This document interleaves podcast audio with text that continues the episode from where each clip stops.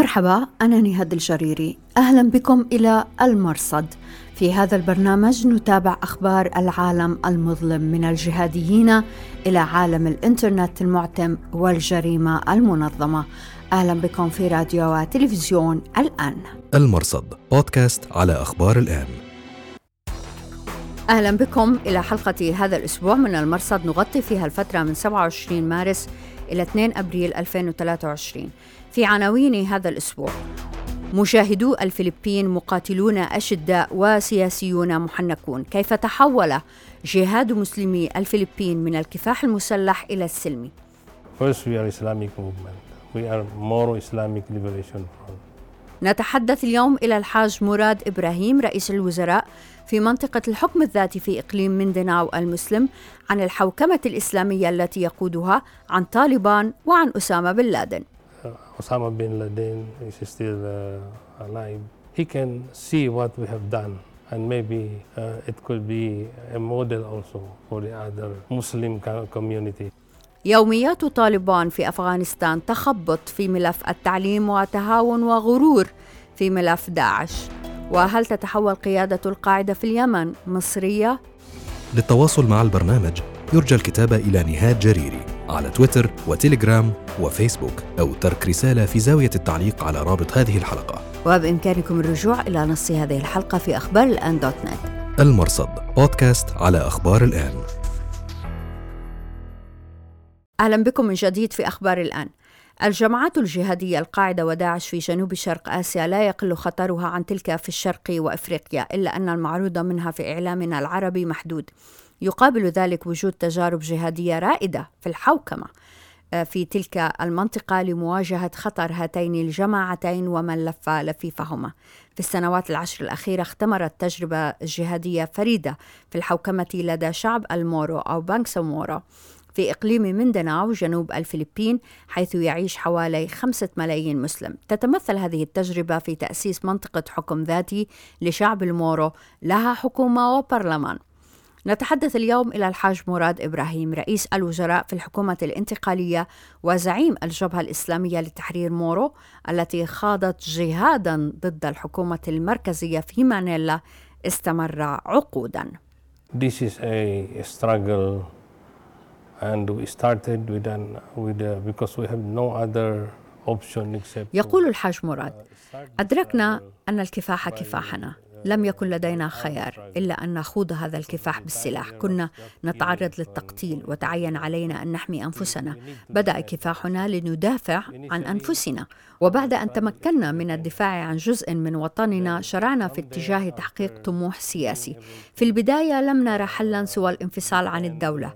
دعوتنا الأولى كانت لتأسيس دولة مستقلة لشعب المورو. شعرنا أن العداء اتجاهنا كان يتنامى بين الفلبينيين المسيحيين والمسلمين أقصد. وصل الاحتقان مستويات مرتفعة من العداء والتمييز بين الفريقين شعرنا أن التعايش غير ممكن. وهكذا كنا في البدء حركة انفصالية الانفصال عن الدولة. لكن في 1974 تغير الحال. بدأ القتال في العام 1972 وصل ذروته في ذلك العام عندما أعلن والد الرئيس الحالي الأحكام العرفية. آه، اندلعت حرب شعواء في الجنوب وقتل مئات الآلاف. بعد ذلك توسطت منظمة المؤتمر الإسلامي في عام 1974 فأقنعتنا بالتفاوض. قالوا لنا ربما هدفكم غير قابل للتفاوض مع الحكومة الفلبينية لكن ابدأوا الحوار فقد تجدون طريقا. وأرضا وسطا تلتقون في المنتصف فبدأ الحوار في العام 1974 تحت راية الجبهة الوطنية لتحرير مورو كانت منظمتنا الأولى.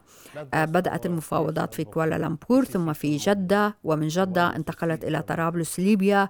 وفي 1976 حصل أول اتفاق ملموس وكان اتفاقية سلام طرابلس في عام 1976 And, uh, only in 1976, when there was a, a, a concrete agreement, we call it the 1976 Tripoli Peace Agreement.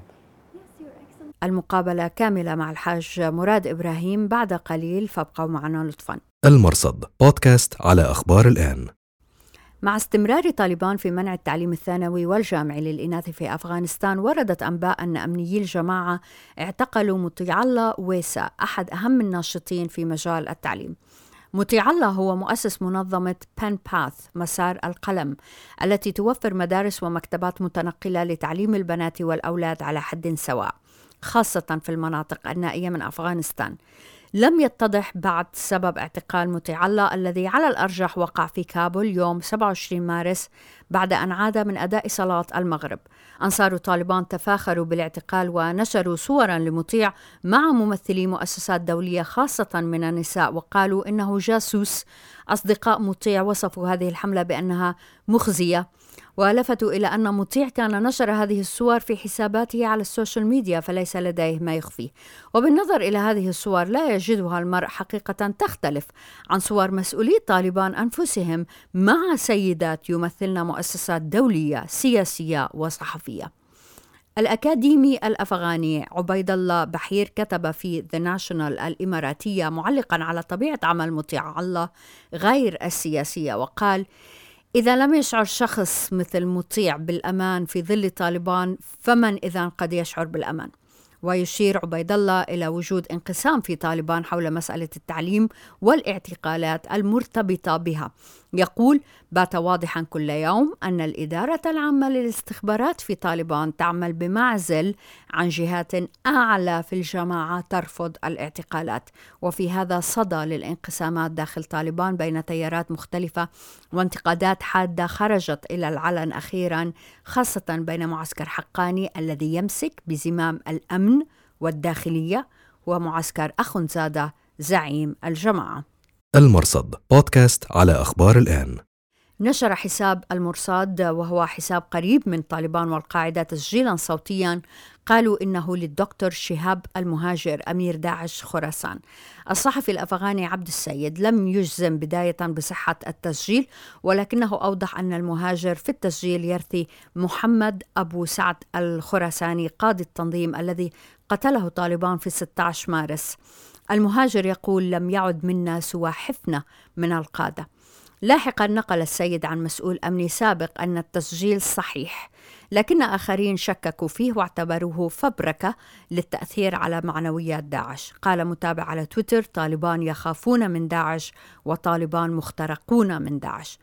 بالرغم من إنجازات طالبان ضد داعش في الشهر الأخير تحديدا لا يزال مسؤولوهم يقللون من خطر الجماعة. ذبيح الله مجاهد المتحدث باسم طالبان في حديث تلفزيوني قال إن هجمات داعش في المدن الأفغانية تعادل واحد في المئة من التفجيرات والهجمات التي خبرها الشعب الأفغاني سابقا. وهذا أثار حفيظة أفغان قالوا في العقدين الماضيين الجماعة الإرهابية التي مارست الجريمة باحتراف كانت طالبان آخر قال هذا يعني أن فعل داعش يعادل واحدا في المئة من فعل طالبان. المرصد بودكاست على أخبار الآن. تداول أنصار طالبان صور لوحات إعلانية رفعت في العاصمة كابول تقول سنفطر في القدس. احتفاء أنصار طالبان باللوحات لم يجد ما يوازيه سوى احتفاء القنوات الإيرانية. فالقدس ثيمة ثابتة عند النظام الإيراني للاستهلاك الداخلي والخارجي خاصة في رمضان.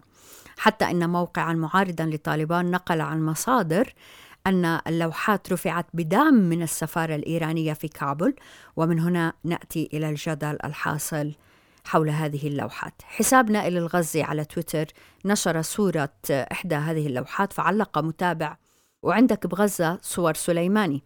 الزعيم السابق لفيلق القدس في الحرس الثوري الإيراني والمسؤول عن مصالح إيران في لبنان والعراق وسوريا واليمن وما أبعد من اليمن. متابعة على حساب آخر قالت يا عمي أول شيء شوفوا وضع بلدكم وصلحوها وزبطوها لا تصيروا نفس الإيرانيين لهم خمسين سنة يحرروا القدس ويكذبوا. المرصد بودكاست على أخبار الآن. هل تتحول قيادة القاعدة في اليمن مصرية؟ الصحفي اليمني عاصم الصبري كتب في موقع أخبار الآن عن تداعيات قتل حمد التميمي المسؤول الإعلامي وعضو مجلس شورى التنظيم وخلص إلى مسألة مهمة وهي أنه بمقتل التميمي يكون آخر القادة السعوديين الأقوياء قد رحل عن القاعدة وأصبح التنظيم واقعا أكثر تحت نفوذ الزمرة المصرية بقيادة إبراهيم البنا وابن سيف العدل. الصبري كان كشف عن أن ابنا لسيف العدل يعرفه عناصر القاعدة في اليمن بابن المدني يعمل قريبا من زعيم التنظيم خالد بطرفي. وبالتالي هل التنظيم مقبل على انشقاقات حادة أو تسويات حادة ترضخ القيادة اليمنية لأوامر سيف العدل؟ في المحصلة تنظيم القاعدة في اليمن ليس بخير. هذا الأسبوع لفت منشور آخر يدل على حال التنظيم. حساب وريث الريمي نشر تحت هاشتاغ رسالة مجاهد من جزيرة العرب أن من يسأل عن الهجرة إلى اليمن عليه أن يعلم أنه لا نجد ما نحملكم عليه. التنظيم لم يعد قادرا على تجهيز مقاتلين والاحتفاظ بهم. في الرسالة صدى لرسالة أبي عبيدة الحضرمي التي استعرضناها في الحلقة السابقة وفيها شكوى من قلة العلماء والمشايخ الذين يهجرون اليمن جماعات وفرادى. المرصد بودكاست على أخبار الآن. قال حساب قناة فضح عباد البغدادي والهاشمي إن أمير مكتب بلاد الرافدين ووالي العراق في داعش أبو خديجة لم يقتل في الأنبار كما أشيع في فبراير الماضي. في 27 فبراير نقل الحساب أن ثمة أصوات من داخل ولاية الأنبار تتحدث عن مقتل أبو خديجة واسمه الحقيقي عبد الله مكي مصلح مهدي الرفيعي. وكان هذا خبر مهم آه، يضاف إلى استنزاف قيادات داعش في العراق والشام خاصة بعد قتل أبو سارة العراقي عبد الرؤوف المهاجر الذي كشف حساب فتح عباد البغدادي والهاشمي عن أنه أمير الإدارة العامة للولايات والرأس المدبر والحاكم الفعلي للتنظيم. فكان ثم التساؤل حول من يدير أمور التنظيم بعد أبو سارة. الآن يقول هذا الحساب المتخصص في كشف خبايا التنظيم إنه آه، أبو خديجة على قيد الحياة وبهذا يتوقع الحساب أن يكون الرجل من الشخصيات الأكثر نفوذا الآن في التنظيم بعد مقتل أبو سارة. المرصد بودكاست على أخبار الآن. أهلا بكم من جديد في أخبار الآن. بدأ جهاد مسلمي الفلبين للحصول على أبسط حقوقهم الدينية والثقافية في العام 1968 في الطرف الآخر كانت الحكومة المركزية في مانيلا التي شنت حملات عسكرية قاسية ودموية ضد شعب المورو المسلم في إقليم مينداناو جنوب الفلبين. قاد جهاد المسلمين جماعتان رئيستان الجبهة الوطنية لتحرير مورو ثم الجبهة الإسلامية لتحرير مورو MILF بالرغم من قسوة الحرب جنح مسلمو الفلبين إلى السلم وخاضوا مفاوضات أيضا صعبة أفضت إلى تأسيس منطقة الحكم الذاتي لشعب المورو في ميندناو والمعروفة اختصارا ببارم. لديهم اليوم حكومة وبرلمان انتقاليان آه، معنيان بالترتيب للوضع النهائي للعام 2025 كنت تحدثت إلى رئيس الحكومة وزعيم الجبهة الإسلامية لتحرير المورو الحاج مراد إبراهيم Thank you so much for giving us some of your time this morning. Thank you, sir. Thank you. Thank you very much. حاج مراد كنت طالبا في السنة الخامسة هندسة عندما قررت أن تترك الدراسة وتنضم إلى الجبهة الوطنية لتحرير مورو وأن تصبح مجاهدا في 68 69 إلى أي درجة كان ذلك القرار صعبا أو ربما سهلا؟ Well, uh... At the time when we joined the struggle, uh, we were really very uh, يقول الحاج مراد عندما بدأنا الكفاح المسلح انتابنا قلق لأنه تعين علينا أن نترك مستقبلنا وراءنا ولكن من ناحية أخرى أردنا أن نخدم شعبنا ونخدم الإسلام وأن نفعل ما يلزم حتى ينتصر كفاحنا. كان كفاحا طويلا طويلا. كما قلت انضممت إلى الحركة السرية في 1968 في ذلك الوقت وقعت مجازر عدة ضد المسلمين مجزرة جبيدة وكارمين في شمال كوتاباتو مجازر في تاكوب ولاناو لم يكد يخلو مكان في أرض شعب المورو من مجزرة. هذا دفعنا إلى العمل الحركي ونحن في سن صغيرة.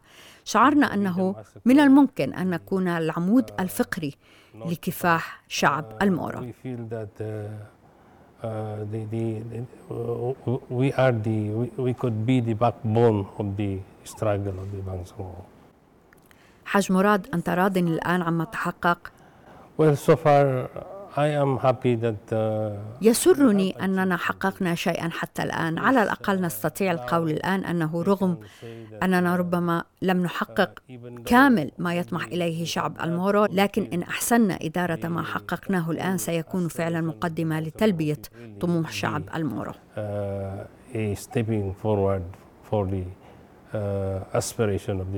حاج مراد طوال تلك السنوات لم يسمح لكم بممارسة شعائركم الدينية كما يجب لم يسمح ببناء مساجد وكثيرا ما دنس القرآن أمامكم. كانت سنوات قاسية وكان خصمكم عنيدا لكن رغم ذلك أصريتم على السلام والمفاوضات. ما الذي جعلكم تصبرون وتتحملون كل هذا في سبيل السلام؟ This is a struggle and we started with an, with a, because we have no other يقول الحاج مراد أدركنا أن الكفاح كفاحنا لم يكن لدينا خيار إلا أن نخوض هذا الكفاح بالسلاح. كنا نتعرض للتقتيل وتعين علينا أن نحمي أنفسنا. بدأ كفاحنا لندافع عن أنفسنا. وبعد أن تمكنا من الدفاع عن جزء من وطننا شرعنا في اتجاه تحقيق طموح سياسي. في البداية لم نرى حلا سوى الانفصال عن الدولة. دعوتنا الأولى كانت لتأسيس دولة مستقلة لشعب المورو. شعرنا أن العداء اتجاهنا كان يتنامى بين الفلبينيين المسيحيين والمسلمين أقصد.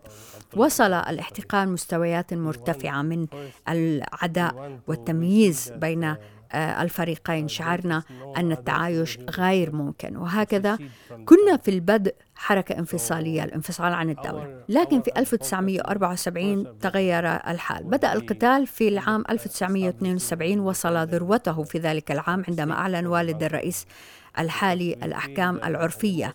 آه، اندلعت حرب شعواء في الجنوب وقتل مئات الآلاف.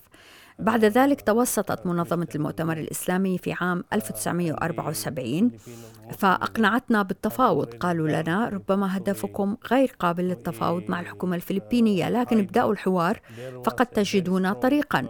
وأرضا وسطا تلتقون في المنتصف فبدأ الحوار في العام 1974 تحت راية الجبهة الوطنية لتحرير مورو كانت منظمتنا الأولى. آه، بدأت المفاوضات في كوالالمبور ثم في جدة ومن جدة انتقلت إلى طرابلس ليبيا. وفي 1976 حصل أول اتفاق ملموس وكان اتفاقية سلام طرابلس في عام 1976 when there was a uh, a, concrete agreement. We call it the 1976 Tripoli Peace Agreement. لكن حاج مراد بالرغم من هذا أبقيتم على قنوات الحوار وأصريتم على إتمام المهمة صبركم عجيب ما الذي جعلكم تصبرون كل هذا الصبر؟ Well, personally, my feeling is uh, I am already in the struggle. يقول الحاج مراد كنا قد بدأنا هذا الكفاح ونذرت حياتي أنا كلها لهذا الكفاح رغم الصعاب والتحديات التي واجهناها كنت مصرا على الاستمرار كنت على يقين أنه بعون الله تعالى سنحقق طموحنا. With the help of Allah, we will achieve our, our aspiration. حاج مراد أنت الوزير الأول في الحكومة الانتقالية بانتظار 2025 عندما تعلن حكومة دائمة. كتبت أنك تريد أن تضع أسس بيروقراطية تليق بعقود من المعاناة مر بها شعبك بحيث تقود حكومة أخلاقية. ماذا يعني هذا؟ Well, you see, during the negotiation, during the uh, different agreements that come along, uh, there was already a يقول الحاج مراد خلال المفاوضات المتعددة التي انتهت باتفاقيات مختلفة كان لدينا حكومة المجلس التنفيذي الإقليمي LTP الأولى وكان لدينا الحكم الذاتي في إقليم مندناو المسلم المعروفة بآرم وقد رأينا أنه رغم تغير الحكومات إلا أن النظام لم يتغير. ما نطبقه هو كان محكوم بنظام الحكم القائم في الفلبين. التغيير ينحصر في القيادة. لهذا اعتبرنا أن الحكومات المتعاقبة على حكم شعب المورو لم تنجح لأن تلك الحكومات لم تلبي طموح الشعب لم تمثل مطالب الناس. عندما خضنا المفاوضات حرصنا على إحداث تغيير ملموس. لهذا أول مطالبنا كان تشكيل حكم برلماني وزاري لأنه نجده أقرب إلى ثقافتنا ومعتقدنا الديني يقوم أكثر على الشورى والقيادة المشتركة. أصرينا على ذلك. قلنا رغم أن للفلبين نظام برلماني ورئاسي خاص بها لكننا سنشكل نظام حكم مختلف وهو نظام برلماني وزاري. ثانيا نريد تغيير قواعد اللعبة. لهذا نحتاج إلى استكمال عدة مشاريع قوانين. مشروع القانون الإداري والخدمة المدنية قانون التعليم ومكافحة الفساد. لدينا ستة قوانين.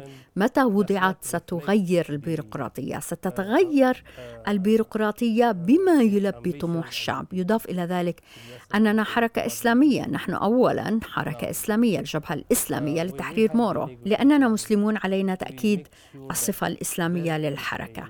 بمعنى أنه نريد أن نتمثل ما يريده الشعب. إن أراد الشعب حياة تلتزم تعاليم الإسلام. لهذا انفصلنا عن الجبهة الوطنية الام ان ال اف وأسسنا الجبهة الإسلامية لتحرير مورو في العام 1984 وبعد أن وصلنا إلى الحكم لم نعد ندعو إلى حكومة إسلامية بل حكومة أخلاقية. فإن ترجمنا حكم أخلاقية فهي حقيقة تعني أن القيم هي المهمة. كل الأديان تتفق تقريبا في إعلاء القيم السامية ذاتها. في الحوكمة الفساد سيء في الإسلام وفي أديان أخرى. وهكذا لدينا أرضية مشتركة بوجود الحوكمة الأخلاقية. ما نريده هو قيم أخلاقية يقبلها المسلم والمسيحي ويقبلها السكان الأصليون. هذا ما نسعى إليه الآن القيم. لأننا إن روجنا إلى الإسلام وحده سيكون هناك استعداء للآخرين. ما نريده الآن هو السماح للكل باتباع تعاليم دينه. المسيحي يمارس عبادته المسيحية ورؤيتنا هي أن نفعل ما يرضي الله تعالى. أن نشن حربا على الأديان الأخرى كان سيعقد الوضع في المنطقة.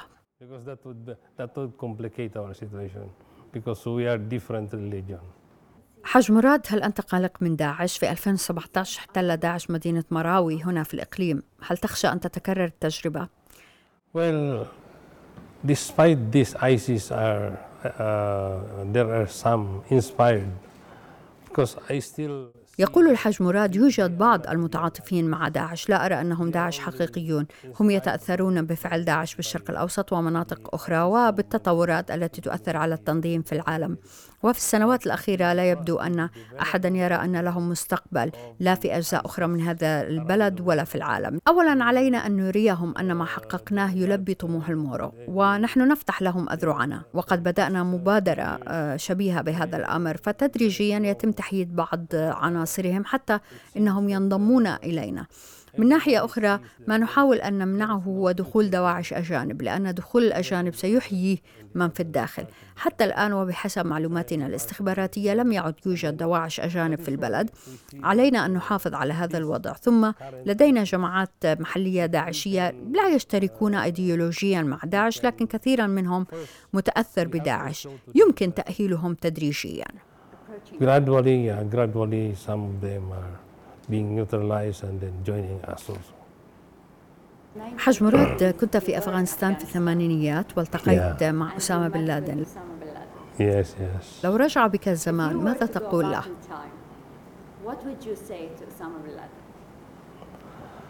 Personally, I always advocate moderation for me because I see that uh, extremism is not uh, يقول الحاج مراد شخصيا أنا أدعو إلى الاعتدال دوما لأني أرى أن التطرف لن ينتج عنه ما ينفع.